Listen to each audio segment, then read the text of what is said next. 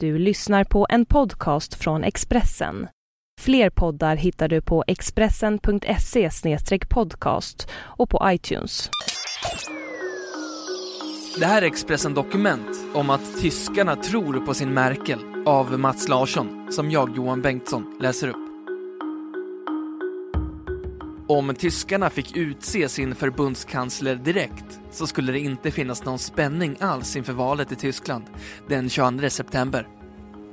Angela Merkel skulle sopa banan med konkurrenterna. Men nu är det partival. Så än kan Tysklands Frau Merkel inte ropa hej.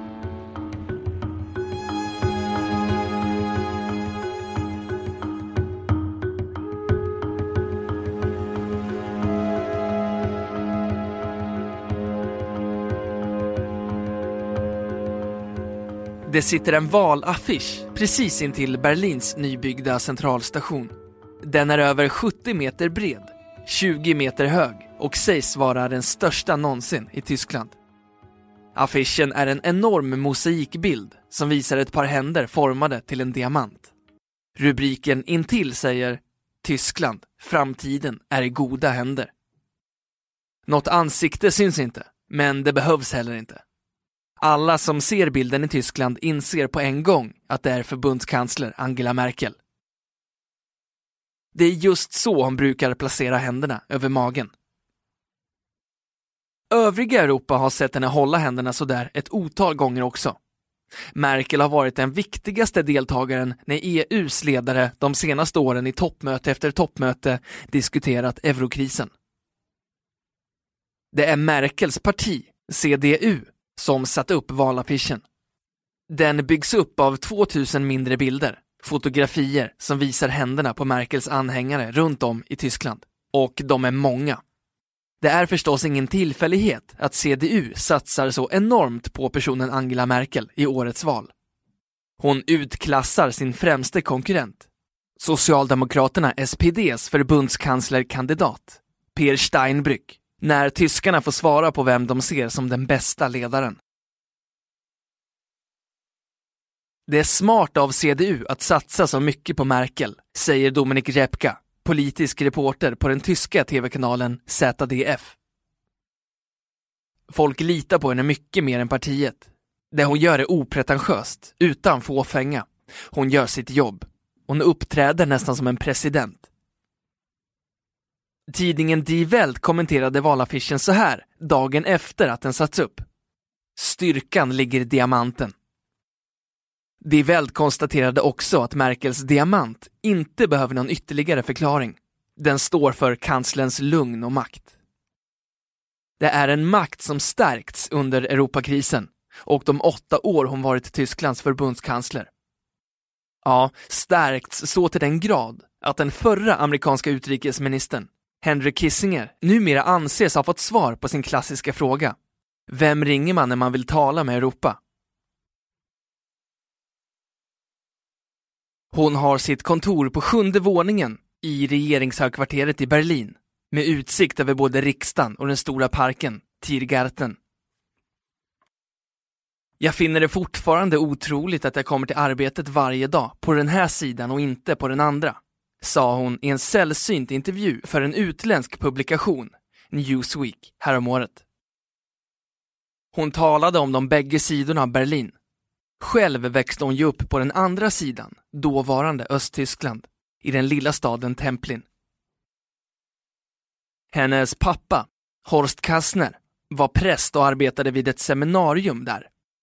Familjen hade flyttat till DDR från Hamburg när Angela bara var ett spädbarn. Hennes mamma, Herlind, kunde inte längre arbeta i DDR som engelsklärare eftersom hennes kristna bakgrund gjorde henne suspekt. Vi visste att vi levde i en diktatur och det krävde konstant försiktighet om vad man kunde säga och inte säga, minns hon i samma Newsweek-intervju. Det är en försiktighet hon har tagit med sig, Angela Merkel är en extremt privat person som inte gärna släpper allmänheten in på livet. CDU publicerade dock i augusti en liten broschyr för att visa en lite mjukare bild av förbundskanslern. Där presenterades hon inte bara som ledare utan även som Hausfrau. Jag älskar att laga mat, berättade hon bland annat. Mina favoriter är potatissoppa och rullader. Och maken Joakim Sauer verkar nöjd, om vi får tro förbundskanslern. Min make klagar sällan. Det enda han inte gillar är om det är för få smulor på hans bakelse. Han är ju trots allt en bagarson. Så värst spännande svar är det kanske inte, men spännande är sällan ett ord som används för att beskriva Angela Merkel. Maken Joakim Sauer är kemiforskare och är för övrigt ännu mer medieskygg. Han har aldrig gett någon intervju. Angela Merkel var själv fysiker och forskare i DDR och det var så de träffades på 80-talet. Han är hennes andre make, men hon har behållit efternamnet från make nummer ett, Ulrich Merkel. Hennes bakgrund som forskare gör henne också ovanlig som politiker. Hon började intressera sig för politik först efter murens fall 1989. Angela är raka motsatsen till en flashig politiker, har Storbritanniens förre premiärminister Tony Blair sagt om henne. Hon är en av de enklaste politikerna att underskatta och det är en av de dummaste sakerna en politiker kan göra.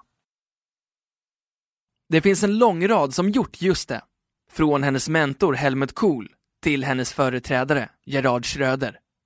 För att inte tala om en lång rad av europeiska ledare som mött henne vid förhandlingsbordet. Och det säger väl en del om Angela Merkel, att hon är en av mycket få ledare i eurozonen som överlevt de senaste årens enorma turbulens. Samtidigt har regeringschefer och presidenter fallit i länder som Frankrike, Spanien, Italien, Grekland och Irland. Och egentligen borde hon inte ha något att frukta när hon möter de tyska väljarna den 22 september. Medan Sydeuropa kämpar med rekordhöga arbetslöshetssiffror och hårt belastade statsbudgetar så kan Merkel peka på att Tyskland har de lägsta arbetslöshetssiffrorna på 20 år och en balanserad budget. De kärnkraftsskeptiska tyskarna gillade även hennes kovändning efter tsunamin i Japan och haveriet vid kärnkraftverket i Fukushima.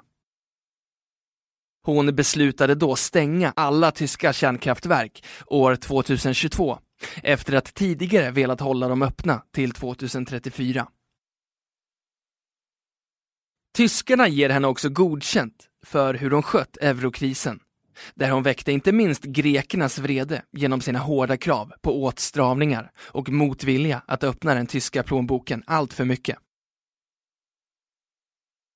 Ett problem för det socialdemokratiska SPD är att de haft så svårt att hitta frågor där de tydligt skiljer sig från Merkels CDU.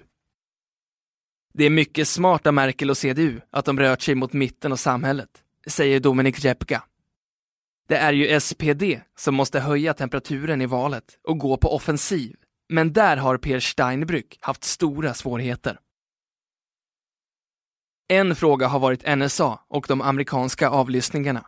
Men de flesta tyskar verkar inte tycka att det är så viktigt. SPDs förbundskanslerkandidat Per Steinbrück mötte Merkel i valets enda tv-debatt den 1 september och det sågs som hans stora chans att vända det här. Han lyckades inte. Efteråt utropades istället tv-underhållaren Stefan Raab, en av de fyra utfrågarna, till debattens vinnare. Mycket publicitet ägnades också åt det halssmycke i de tyska färgerna som Merkel haft på sig under debatten. Det var på den nivån. Merkels parti, CDU, och det bayerska systerpartiet, SCU, är i klar ledning i mätningarna med drygt 40 procent. SPD däremot skrapar bara ihop cirka 25 procent. Så valet är klart? Nej, så bråttom ska vi inte ha.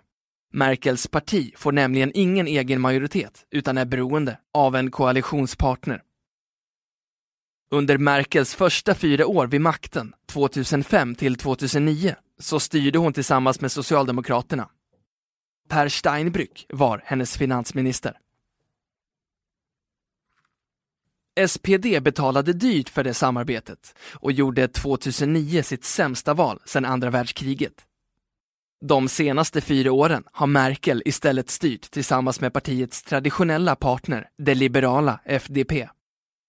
Merkels huvudvärk är att FDP rasat katastrofalt sedan förra valet och under långa perioder legat under de 5% som behövs för att komma in i Bundestag, den tyska riksdagen. I de senaste mätningarna får FDP 5-6 procent. Så Merkel varnar sina anhängare för att ta saker och ting för givet. Om ni tror att jag förblir kansler så kan det hända att ni vaknar upp på måndag morgon och ni har en röd-röd-grön koalition. Vi har haft fyra goda år, men det är inte säkert att de kommande fyra blir lika bra. Vi får inte äventyra det. Den röd-röd-gröna koalition hon talar om är dock en lösning som Per Steinbrück och hans socialdemokrater gång på gång sagt inte kommer bli verklighet. SPD styrde under åren 1998 till 2005 Tyskland i en rödgrön koalition med de gröna. Men de kommer med största sannolikhet inte ensamma att få ihop en majoritet. De behöver även stöd av Die Linke, Vänsterpartiet. Men Die Linke, som har sina rötter i det östtyska kommunistpartiet, ses som oberörbara. Ingen vill ta i dem.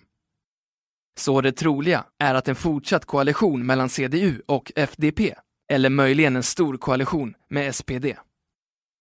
Men det finns andra konstellationer. Merkel får numera en miljöpolitik som även delvis får godkänt av de gröna, så ett äktenskap mellan CDU och de gröna är inte heller uteslutet. Det finns också en joker i leken i form av alternativ för Tyskland. Det är ett missnöjesparti som bildades för alla de tyskar som önskar att Tyskland ska lämna eurozonen. Partiet ligger under 5% i mätningarna, men skulle, om de kommer in, förhindra att något av blocken får majoritet. Det skulle i så fall vara valets stora sensation. Men det mesta tyder på att Angela Merkel, som ofta kallas för Mutti, mamma, får fortsätta ta hand om sina 80 miljoner landsmän i fyra år till.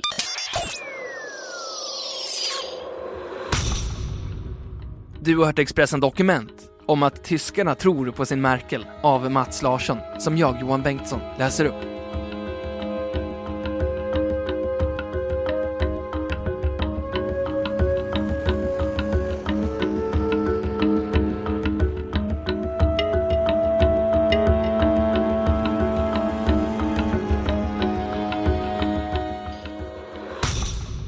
Du har lyssnat på en podcast från Expressen. Ansvarig utgivare är Thomas Mattsson. Fler poddar finns på Expressen.se och på iTunes. Ett poddtips från Podplay.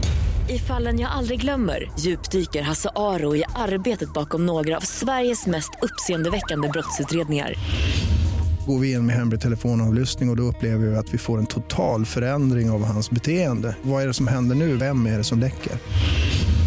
Och så säger han att jag är kriminell, jag har varit kriminell i hela mitt liv men att mörda ett barn, där går min gräns.